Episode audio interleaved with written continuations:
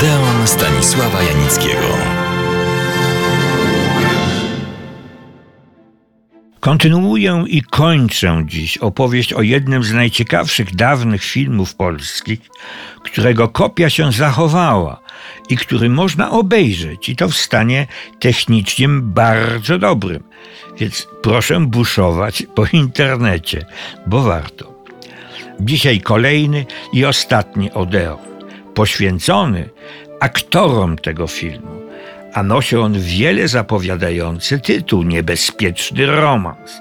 Jest adaptacją głośnej powieści Andrzeja Struga Fortuna kasjera Śpiewankiewicza. Ale my zajmiemy się dzisiaj aktorami, którzy w tym filmie grali. Przypomnę, premiera miała miejsce 18 października 1930 roku. Rolę tytułową owego kasjera Śpiewankiewicza gra.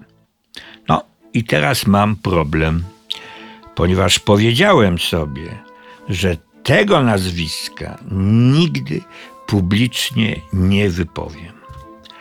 To smutna historia. Był to bowiem aktor znakomity. Tak dalece, że nazywano go polskim Emilem Janingsem. Obaj grali w tym samym czasie. Porównanie ich stylu gry, ich postaw, również politycznych, oraz ich karier to temat na niezłą książkę. Aktor ten, Polak, to Bogusław Samborski, znakomity aktor teatralny i filmowy. Kim był? Urodził się w 1897 roku w Warszawie jako syn zubożałego ziemianina.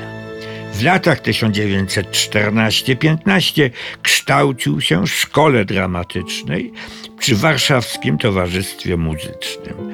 Ale już w 1913 roku został zaangażowany do teatru polskiego. Występował też w kabaretach oraz w teatrach miejskich w Krakowie i Łodzi. Prezentował nowoczesne, na tamte czasy oczywiście, aktorstwo zdobył ogromne uznanie i widzów, i krytyki. Podobnie się stało, kiedy zaczął grać w filmach.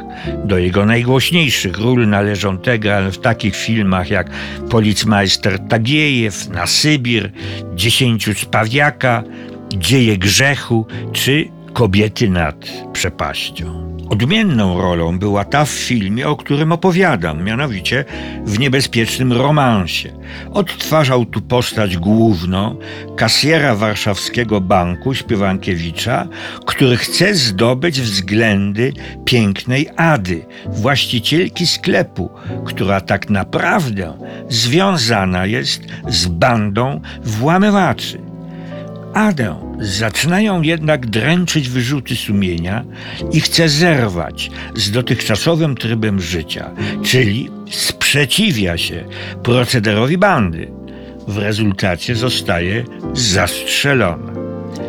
Kasjer przyznaje się do winy, mimo że okoliczności wskazują na innego winowajcę.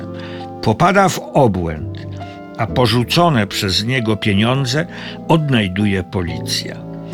Krytycy oceniając film podkreślali między innymi spokojne, bardzo filmowe aktorstwo Samborskiego, zwanego Emilem Janingsem polskiej kinematografii. A był Janings wtedy jednym z najlepszych, najbardziej cenionych aktorów świata. Niestety, wybuchła wojna. Samborski, mimo że związany był z podziemiem teatralnym, przyjął propozycję hitlerowskich filmowców i władz zagrania w bodaj najwredniejszym antypolskim filmie Heimkehr, czyli Powrót. Pokazano w nim, jak to Polacy prześladowali Niemców.